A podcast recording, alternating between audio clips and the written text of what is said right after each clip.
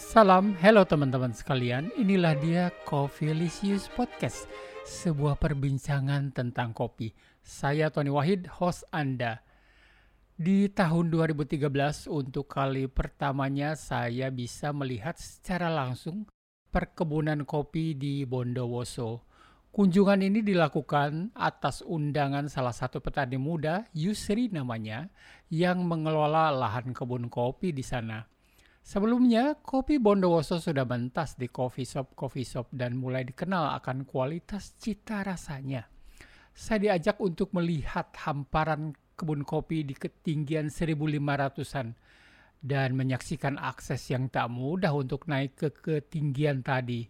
Bukan hanya akses jalan yang terbatas. Petani kopi di Bondowoso juga mesti menghadapi berbagai macam tantangan. Dari mulai binatang-binatang buas yang suka datang menyapa, hingga preman yang begitu saja mengambil hasil panen kopinya. Tapi kini sudah banyak kemajuan sebagai nanti yang akan kita simak dalam perbincangan di podcast ini. Teman-teman sekalian, Coffee Licious Podcast teman setia Anda untuk lebih jauh mengenali kopi. Mari kita mulai podcast ini. Di sebelah saya sudah ada petani milenial, Yusri dari Bondowoso, sahabat yang sudah lama sekali tidak ketemu. Terakhir kita ketemu tahun 2013 dan waktu itu kita sana sini di Bondowoso main-main ke gunung dan banyak lagi kegiatan pokoknya yang tidak dibes yang tidak bisa disebutkan satu persatu. Yusri itu mesti pulang hari ini tapi beliau ini pengen ketemu saya jadi sayanya aduh senang banget nih. Jadi kita bisa podcast ya. Kapan lagi bisa ngepodcast seorang petani muda yang sejak usia anak-anak sudah dikasih kebun walaupun nggak diurus ya Yus ya? Iya benar pak. Petani milenial saat ini yaitu yang muda-muda itu kan banyak ya. Ya tapi user itu sudah memulai sejak belasan tahun yang lalu. Jadi ini awal-awalnya Yusri udah jauh mulainya. Jadi pada saat saat ini banyak banget nih petani-petani muda dan itu bagus. Jadi mereka bisa melanjutkan perkebunan kopi orang tuanya dan tentunya wajib kita dukung. Yes, pengalaman nih ya. Jadi petani di Bondowoso dengan ketinggian berapa sih? Uh, 1200 sampai 1700 Yang paling tinggi 1700. 1700. Itu kalau ke atas sudah habis oksigen nggak sih? Hmm, Mulai sesak. Enggak. ya usually udah biasa kalau saya mungkin pingsan. Jadi dulu apa sih motivasinya? Apakah disuruh orang tua atau keinginan Yus sendiri untuk menjadi petani? Jadi begini Pak Tony, sebenarnya saya sih darah yang mengalir dalam diri saya adalah darah seorang petani kopi. Jadi bapak saya memang petani kopi dari tahun 70-an. Uh, tetapi saya waktu itu tidak mau melanjutkan uh, usaha orang tua untuk menjadi petani karena menurut saya tinggal di kampung kehidupannya gitu-gitu aja dan menjadi petani kopi itu uh, sepertinya nggak nggak keren lah waktu itu. Nggak oke okay banget ya? Nggak oke okay banget. Tinggalnya di kampung, jual kopinya di situ juga, membuat saya nggak nggak tertarik.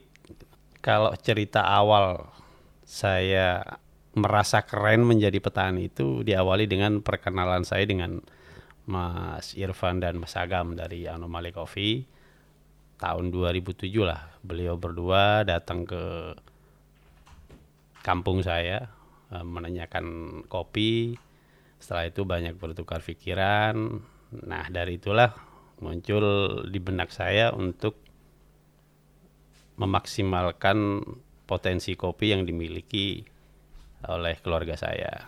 Menarik ya, Irfan dan Agam bisa tiba-tiba datang ke Bondowoso sana. Ya. Tahu dari mana mereka?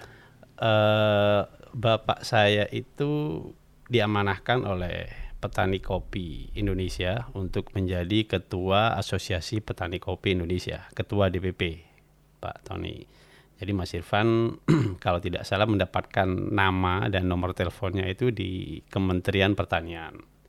Lalu Mas Irfan dan Mas Ragam telepon, eh, datanglah ke kampung ke Bondowoso. Dan beberapa hari kemudian saya juga silaturahmi ke Anomali Coffee di Senopati waktu itu. Saya sampai di Senopati jam mm, 7 pagi, berlama-lama di sana, dan saya pulang sekitar jam 12 malam. Saking asiknya. Saking asiknya. Nah, selama beberapa berjam-jam di anomali, saya mulai berpikir saya harus menjadi petani. Satu kata yang saya ingat dari waktu itu dari Mas Irfan dan Mas Akam, menjadi petani kopi itu keren mas. Jadi jangan pernah malu untuk menjadi petani kopi. Nah sejak itulah saya mulai fokus untuk mengolah specialty coffee. Jadi keduanya memberikan uh, dorongan Ya, kepada betul. Yusri untuk menjadi petani. Gaya kok jadi petani kopi itu ya. Maka diniatkanlah untuk menjadi petani kopi yang lebih serius mulai Ya, saat itu. betul, Betul Pak Tony.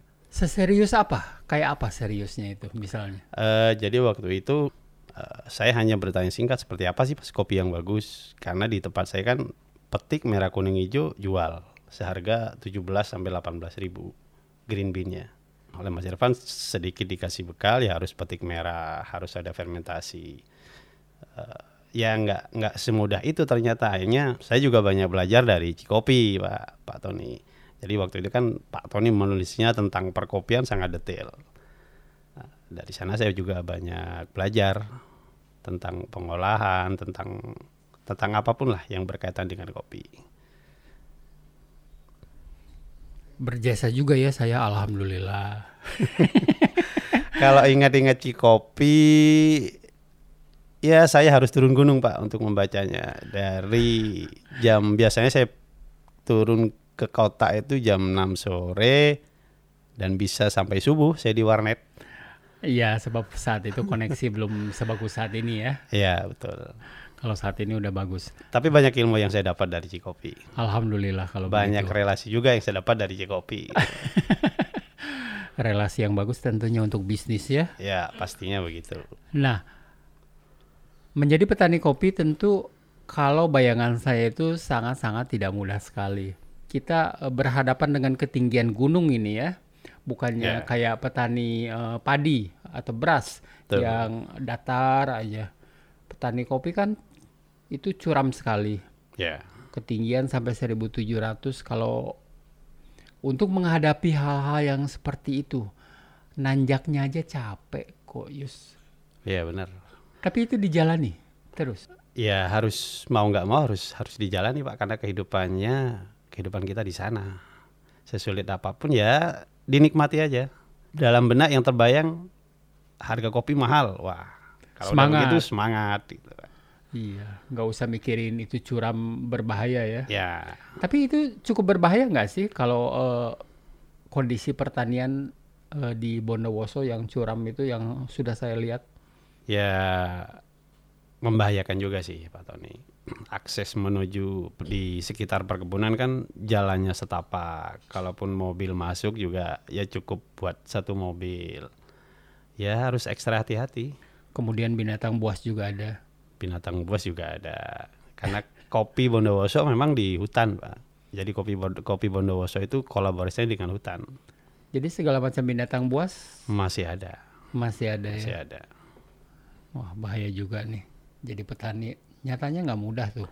memang tidak mudah untuk menjadi seorang petani, apalagi petani kopi. Tetapi ya semuanya kami nikmati, enjoy aja. Yang penting kami berbuat untuk teman-teman kepuasan teman-teman di hilir. Itu aja pak. Dan satu hal lagi, saat ini eh, sudah ada berapa hektar luas lahan pertanian kopi di sana, Yus? Di Bondowoso di hamparan kawasan Gunung Ijen dan Raung ada sekitar ya 50 ribu hektar pak. 50 ribu hektar. 50 ribu hektar. Kebetulan saya mengawali untuk proses specialty coffee. Jadi waktu itu kan di Bondowoso harganya ya hanya di angka belasan ribu. Tapi di tahun 2007-2008 dengan metode yang sedikit uh, saya rubah dengan uh, apa? Petik merah. Petik merah. Fermentasi. Fermentasi penjemurannya juga juga sudah semakin baik dengan anomali udah dibayar 45.000 waktu itu. Jauh sekali per ya. Per kilogram. Kaget juga sih awalnya, Pak. Kaget. Ternyata kopi dengan nuan dengan sedikit sentuhan yang berbeda aja harganya udah cukup signifikan perbedaannya. Akhirnya perlahan di Bondowoso dibentuklah klaster ekonomi yang berbasis komoditi kopi pada tahun 2011. Pada saat itu, para petani kopi di Bondowoso yang lainnya ya, Yus, Ya. belum melaksanakan itu. Eh, belum, belum. Jadi, mereka masih asalan aja masih petiknya. petik asalan tradisional, Pak. Dan setelah melihat contoh dari Yusri Eh, dengan harga yang cukup bagus, Cukup bagus. 2011 kebetulan ada dukungan dari pemerintah daerah juga, dibantu oleh Pusli juga waktu itu. Hanya lima petani, ya, lima petani yang memotori beberapa, yang membawai beberapa petani-petani lainnya. Jadi terbentuk dalam lima kelompok tani. Eh, Sejak itulah eh, hampir mayoritas petani kopi di Bondowoso udah mulai berubah eh, lebih mengarah ke specialty coffee sampai saat ini ya. sampai saat ini. Itu oleh sebab Yusri yang menjadi pionir untuk mengubah cara pandang pengolahan proses pasca panen tuh. Ya kurang lebihnya begitulah. Untuk mendapatkan harga yang lebih baik tentunya. Pastinya Dan mereka senang tentunya ya dengan harga yang sangat baik sekali dibanding belasan ribu per kilo. ya, tapi dengan dengan apa? Dengan mindset petani yang udah mulai berubah, saat ini udah nggak ada petik hijau, udah nggak ada semuanya mau maunya petik merah Sampai saat ini ya. sampai saat ini. Dan itu 50 ribu hektar dikelola oleh berapa banyak petani tuh Yus? Eh, jadi di Bondowoso itu kan pemilik hak kelola lahannya itu perhutani. Hak kelola lahan perhutani rata-rata kepemilikan petani ya sekitar 2 hektar. Jadi kami sharing profit dengan petani. Sebenarnya kalau petaninya tidak kreatif, yang kami dapat juga nggak banyak kok, Pak. Mungkin teman-teman di hilir membayangkan jadi petani harganya mahal sampai 75.000 sampai 100.000. Ternyatanya nggak nggak seperti itu. Paling yang kita dapat itu bersih, yang petani dapat itu ya sekitar 40% aja, Pak. Karena harus ada ada bagi hasil juga dengan perhutani. Biaya yang nggak sedikit, biaya petik juga 1000 sampai 1500 rupiah per kilogram. Biaya petik 1000 per kilo ya, 1000 sampai 1500. Pak. sampai 1500. Ya. Itu petani membawa berapa kilo sih turun ke bawah? Biasanya kalau tempatnya curam ada satu tempat khusus di di atas di tempat yang datar biasanya Pak. Ya sekali petik satu tempat itu kan yang terbuat dari bambu isinya sekitar 5 kilo. Jadi udah penuh dibawa ke tempat penimbunan. Gitu. Dari lokasi kalau ke ke tempat pengolahan ada yang pakai motor, ada yang pakai mobil. Ada aksesnya ya. Ada. Kalau akses sam- sekarang udah udah cukup baik Pak. Dibandingkan dengan yang dulu waktu kita ke sana. Iya, waktu waktu kita sana kan han- hanya jalan setapak aja. Nah, yang waktu jalan setapak mereka bawa berapa kilo tuh? Satu motor bisa sampai saat 150 kilo. 150 kilo.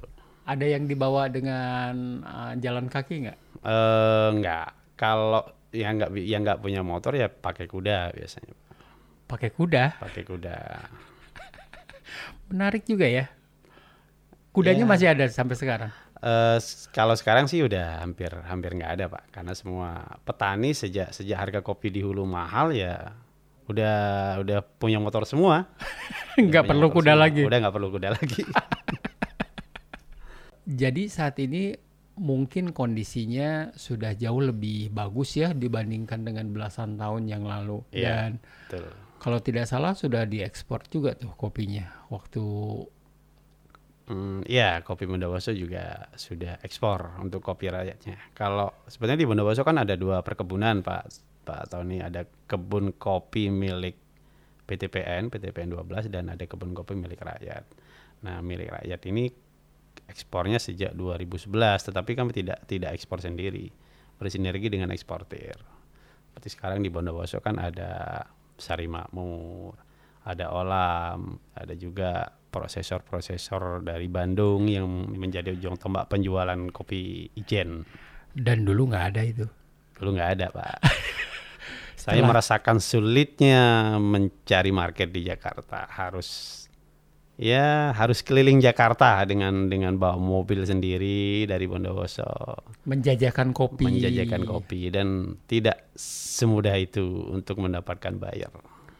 Tapi sekarang ini semua bayar-bayar yang gede-gede itu Ya. pada datang ke sana untuk ikut mengolah juga ya. Iya, jadi eksportir juga punya gudang di di Ijen sana, Pak. Waduh. Memang kopi Bondowoso eh, menjadi selama ini menjadi mutiara hitam yang tersembunyi. Luar biasa. Bondowoso. Dan juga salah satu kopi favorit saya yang banyak sekali di coffee shop coffee shop. Si petung, Pak ya. Oh iya dong, itu tidak akan pernah lupa ya yuk. Itu masih ada kan kopinya ya? Masih ada, cuman sekarang ya salah satunya di di Mas Wahyu di Gajah Mada, tapi nama sudah berubah. Wah luar biasa nih kemajuan eh, kopi Bondowoso. Saya juga nggak tahu bahwasannya ada olam, kemudian eh, exported prosesor lain yang juga datang untuk mengolah kopi di sana ya. Luar Iya. biasa ini potensinya ke depan. Cuman sayang ya, mungkin lahannya eh, apakah masih bisa diperluas atau bagaimana tuh? Hmm, kalau lahan udah sepertinya udah nggak ada, Pak. Pak Tony. Sudah habis ya? Sudah habis. Jadi memang di Bondowoso kalau dibanding dengan Gayo dengan Sumatera mungkin jauh dari segi luas areal. Tapi Bondowoso, petani Bondowoso akan memaksimalkan dari sisi yang lain yaitu sisi quality. Kualitas. Betul. Tapi ngomong-ngomong ya, pengalaman kita waktu di sana naik motor sama Willy ya. Willy, ya betul. Iya. Sidewalk, Sidewalk. sidewalk. Naik motor ke atas dan saya merasakan bahwasannya akses ke perkebunan itu memang sangat-sangat tidak mudah pada saat itu ya. Ya, Sekarang sih mungkin sudah jauh lebih maju sekali. betul. Dari sekian banyak teman-teman Yusri yang muda-muda banyak nggak di sana Yus yang saat ini kayak Yusri mulai tertarik untuk mengolah kopi di sana. Memang beberapa tahun terakhir ini saya menggerakkan, mengajak teman-teman petani yang muda-muda untuk bersinergi mengolah karena memang harus yang muda-muda yang bergerak, Pak. Muda-muda. Yang senior-senior cukup mengarahkan saja. Jadi mayoritas apalagi yang tergabung di di saya ada Poktan yang namanya Java Ijen. Poktan ada Java Ijen. Nah, di Java Ijen ini eh, 100% pemuda. Usianya Semuanya berapa pemuda. Eh, Usianya ya dari sekitar 20 tahun lah, 20 tahun sampai 30-an gitu. Masih semangat-semangatnya untuk Semangat-semangatnya untuk menjadi petani kopi. petani kopi dan tentunya masih kuat nanjak ke gunung ya. Betul. Iya, kalau saya sih pingsan lah. Tapi mereka eh, bagaimana tuh Eh, dibekali dengan pengetahuan juga oleh koperasi atau siapa yang ngasih pembekalan sama mereka? Ya, eh, sering sih kami mendatangkan narasumber sih biasanya Pak untuk pembekalan pengolahan, manajemen keuangan. Kami juga dibantu biasanya dari perbankan. Ya ada pelatihan lah Pak, pelatihan tentang manajemen keuangan, bagaimana cara mengelola keuangan petani yang baik supaya bisa bertahan selama satu tahun penuh. Jadi jangan sampai uangnya habis beli gadget ya. Betul. Kalau habis di untuk belanja ya ijon akan berlaku lagi seperti dulu. Karena sumber sumber pendapatan petani kan di Bondowoso hanya satu dari kopi, Pak. Selain itu petani udah nggak nggak bisa kerja yang lain karena sepanjang tahun harus ke kebun, tiap hari harus ke kebun. Memang godaan kalau sudah pegang uang tuh susah ya mungkin petani juga ya. Kayak Iya, saya aja. Betul betul Pak TW. Impulsif buyer pengen beli ini, beli itu, yang nggak Iya. penting. Tapi ya sejak kopi Bondowoso mulai mahal, petani udah kalau dulu mobil jarang sih Pak. Di Sekarang rumah-rumah petani jarang. Sekarang ya mobil untuk ke kebun udah udah biasa. udah ya hampir semua petani udah punya gitu. Meskipun hanya mobil pick up untuk ya untuk sarana ke kebun aja pas lagi panen. Kalau zaman 12 tahun yang lalu itu nggak ada ya. Eh susah Pak mobil jadi mobil terparkir di rumah-rumah petani itu susah. Tapi sekarang jadi udah biasa mereka jadi sudah bisa mengelola keuangan, punya aset juga mobil Iya, untuk Betul. eh, bukannya untuk jalan-jalan ya mobilnya, untuk Iya. produksi. Untuk produksi kegiatan balik semuanya balik ke kebun lagi karena memang aktivitas petani kopi ya setiap hari di kebun. Selesai panen pun kan harus ada perawatan. Pagi berangkat kebun, sore Jam berapa tuh? pulang. Eh, biasanya jam jam 6 udah mulai berangkat ke kebun, Pak. Jam 6 jam 6 kalau yang udah tua-tua biasanya jam 12 udah balik ke rumah. Yang muda-muda biasanya jam 3 baru balik. Setiap hari begitu. Apa yang dilakukan di kebun?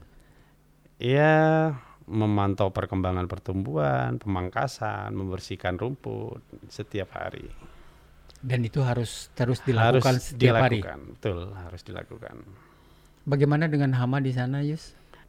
Kalau hama karena memang didukung tanah yang bagus, yang vulkanis kan bekas letusan Gunung Raung dan Gunung Ijen dan ketinggian yang cukup memadai untuk untuk budidaya kopi arabica, hama nggak begitu berpengaruh, nggak begitu berpengaruh. Aman ya. Aman. Pestisida? Pestisida awalnya semua petani hampir semua petani menggunakan pestisida, herbisida untuk me- apa? Untuk rumput menggunakan herbisida, tetapi sejak ada pemahaman-pemahaman dari para peneliti, misalkan Puslit, kami udah menggunakan ini mesin rumput, Pak. Jadi petani udah menggunakan mesin rumput untuk untuk eh, membersihkan gulma. Jadi udah nggak ada herbisida dan pestisida lagi. Jadi organik sekarang. Eh, Bisa dikatakan seperti kaidahnya organik hanya saja karena tidak ada sertifikasi aja pak. Tetapi tahun ini ada sekitar 600 hektar di kawasan Megasari yang kebetulan saya yang memotori dengan nambah Megasari Coffee Forestry. Nah di ketinggian 1800 itu ada 6, seluas 600 hektar. Kami difasilitasi oleh Kementerian Pertanian untuk mensertifikasi organik. Siapa nanti yang mengauditnya? Dari luar atau dari Sepertinya Indonesia? dari luar pak. Dari luar kalau nggak salah dari Belanda atau Amerika. Selamat ya, selamat diaudit. Semoga lulus. Eh harus lulus Pak. Harus lulus Harus ya, lulus. sehingga bisa mendapatkan sertifikasi, Sertifikasi kopi organik. Organik, betul. Iya, itu ketat sih ya. Iya, ketat. Dan ini di Bondowoso baru pertama kali sertifikasi yang dimiliki oleh petani.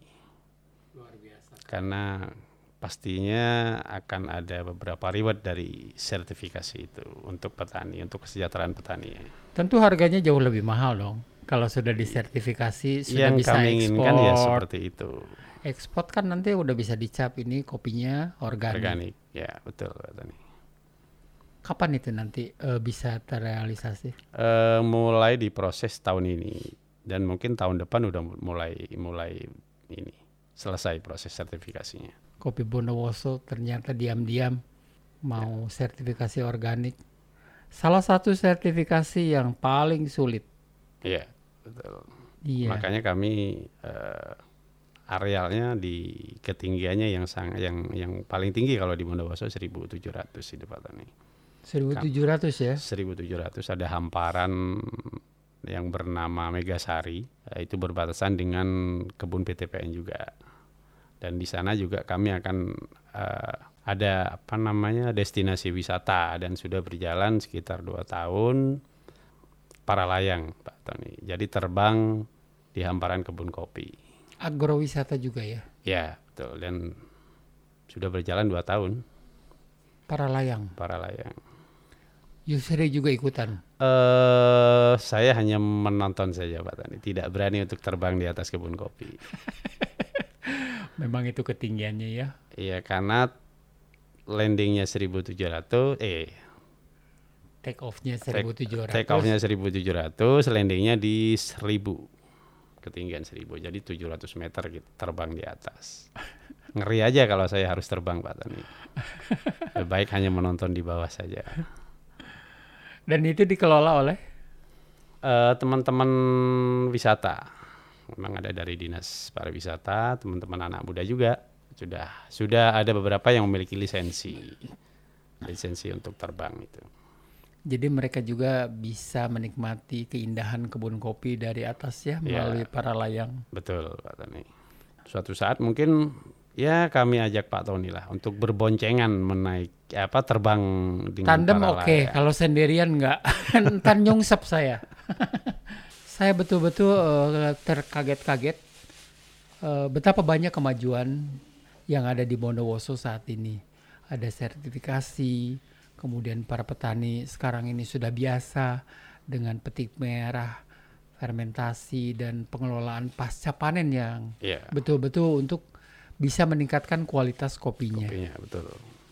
Kalau dulu menjadi petani kopi itu ya gitu-gitu aja. Nggak gaya sama sekali. nggak keren kalau menurut menurut kami yang di hulu. Tapi sekarang kayaknya menjadi petani keren.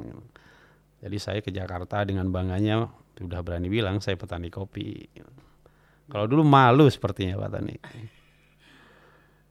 dan itu juga dirasakan oleh teman-teman di sana ya Iya, kebanggaan sebagai seorang petani kopi yang mengelola komoditas Nah, ya karena memang kopi menjadi salah satu produk unggulan di Bondowoso bahkan di Jawa Timur. Jadi tentunya petani penanamnya memiliki kebanggaan tersendiri karena kopinya udah sudah memiliki nama.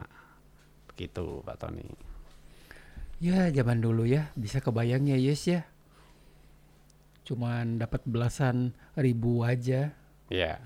Gimana mau semangat dong kalau gitu ya Ya petani hidup sangat pas-pasan aja kalau pas-pasan. Setelah panen kadang udah nggak ada. dan ijon Ijon mendominasi waktu itu. Harganya murah, ijon ya hampir-hampir mayoritas petani ya di ijon. Ya karena memang tidak cukup untuk biaya hidup selama satu tahun. jadi mereka pinjam dulu uang untuk membiayai kehidupan mereka Betul. Dan nanti hasilnya Store dengan harga yang ditentukan oleh mereka ditentukan oleh pengijon-pengijon. Tetapi saat ini sejak 2010 ijon udah tidak ada. susah banget dulu ya kalau jadi petani kopi eh, Iya bisa dibayangkan Pak Tony motor aja nggak ada harus pakai kuda. Nah gimana gimana nggak susah gitu. Saya membayangkan bagaimana mereka sedihnya itu dihargai sesuai dengan yang ditentukan oleh para pengijon aja ya, Ya. tanpa ada bargaining powernya. Betul. Jadi harga udah dit- ditentukan di saat duit itu diterima dan harganya pasti lebih murah. Pastinya lebih murah. Dan saat ini sudah nggak ada lagi. Sudah nggak ada. Sudah nggak ada lagi ya. Eh yang yang saya lihat dalam mindsetnya teman-teman petani itu da ingin direct direct trade Pak Tony. Jadi pengennya teman-teman saya lihat seperti itu. Ya bukannya kami ingin menghilangkan rezekinya teman-teman yang ada di middle. Tetapi saya pikir sesuatu yang sangat wajar jika petani yang menjadi penanam dan pengolah juga ingin mendapatkan nilai tambah. Apa salahnya kan? Dan itulah yang dilakukan saat ini. Ya. Jadi penjualan langsung kepada roastery, Roaster, kafe-kafe, Iya, betul. dilakukan oleh bukan hanya Yusri kan, oleh teman-teman yang lain Teman-teman juga. yang lain juga melakukan hal yang sama. Udah pada pintar sekarang dong. Udah udah pada pintar. Jadi kalau sekarang kalau membaca Cikopi nggak perlu ke kota Pak Tony, tinggal pencet aja udah muncul Cikopinya. Salam buat teman-teman di sana semoga terus sukses ya. Yus. Tony? Dan saya berbangga kepada Yusri bukannya apa-apa. Dialah yang memulai eh, bagaimana seorang anak muda yang dicemplungkan oleh bapaknya untuk ngurus eh, kebun kopi ya Yus waktu Iya. itu ya. Betul. Itu di fait accompli. Ayahnya itu eh, seorang marketing juga tentunya. Dia sampai ke kota menjajakan kopi juga ikut-ikutan kan. Iya betul. Pak Tapi sudah nggak ke kebun lagi ya Yus. Hmm, sudah beberapa tahun ini udah enggak. Jadi semakin tua, kesehatan mulai berkurang. Ia hanya mengarahkan, memotivasi lebih banyak di rumah. Jadi kegiatannya ya karena keluarga saya keluarga latar belakang muslim, kehidupan Bapak dari rumah ke masjid gitu aja setiap hari. Setiap harinya ya. Jadi saya yang masih energik yang harus ke kebun. Dan jalan-jalan sekarang udah bagus dong di sana. Udah bagus ya, bagus. Ya tidak seperti dulu lah. Pak Tidak Kalau dulu dibilang lah. bagus sih nggak bagus-bagus amat. Iya. Kalau hujan masih licin. Oh, banyak lumpur kalau dulu banyak- ya. Iya. Iya. Dan coffee shopnya gimana apa kabarnya tuh di sana? eh ya Untuk kumpul-kumpul teman-teman. Eh, s- di tempat saya sih ada ada tempat nongkrong atau nih. Cuman yang ngopinya gratis. Siapa yang mau dis- mau mau nongkrong di situ ya udah ngopi aja. Pokoknya senang-senang aja. ya Senang-senang aja lah. Just kalau di kota Bondowoso-nya perkembangan coffee shop, coffee shop bagaimana sih? Eh, di Bondowoso sejak lima tahun terakhir udah mulai menjamur Pak Tony. Udah mulai menjamur kedai-kedai kopi yang yang mana hanya khusus menjual kopi Bondowoso aja, nggak ada kopi lain. Hanya itu saja mereka hanya jual. kopi Bondowoso. Arabica. Arabica. Jadi penikmat kopi di Bondowoso udah ke Arabica semua.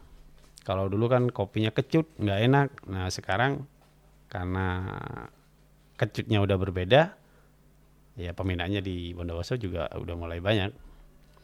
Dan itu perkembangannya semakin naik tentunya. Semakin naik konsumsi kopi Arabica semakin meningkat tiap tahunnya. Iya dulu kita ke Bondowoso nggak ada tuh coffee shop ya. Susah harus ke Jember Pak Tony. Di Jember pun hanya ada satu dua waktu itu. Satu dua.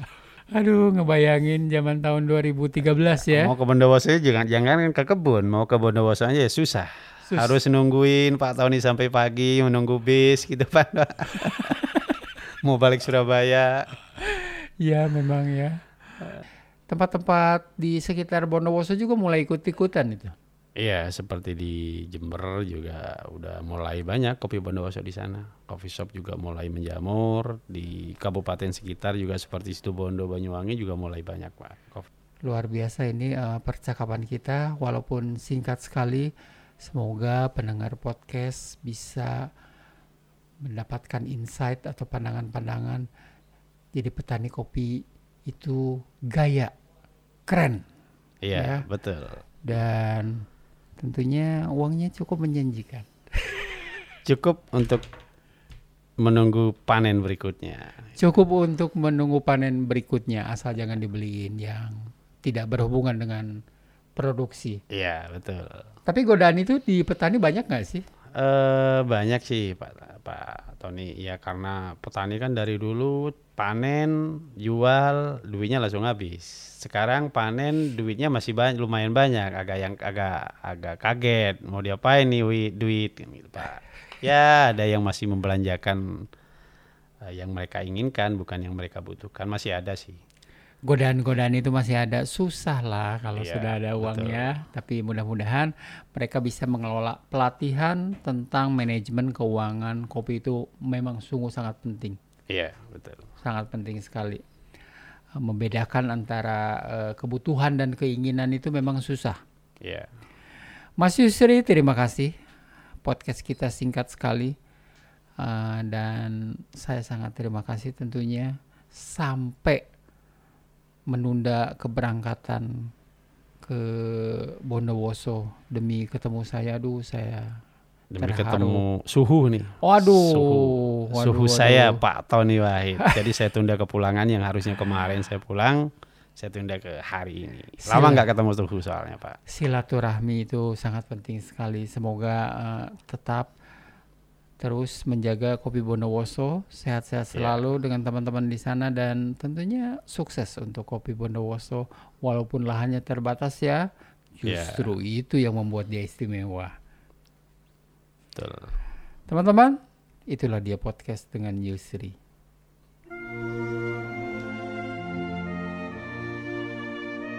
Teman-teman sekalian, demikian podcast kita kali ini. Tentunya semoga bermanfaat atau setidaknya bisa membukakan wawasan tentang subjek yang tadi sudah kita diskusikan. Sebagai informasi, podcast ini bisa diakses melalui layanan musik Spotify maupun iTunes. Dan jangan lupa untuk tetap menantikan episode podcast lainnya. Tony Wahid pamit dan salam.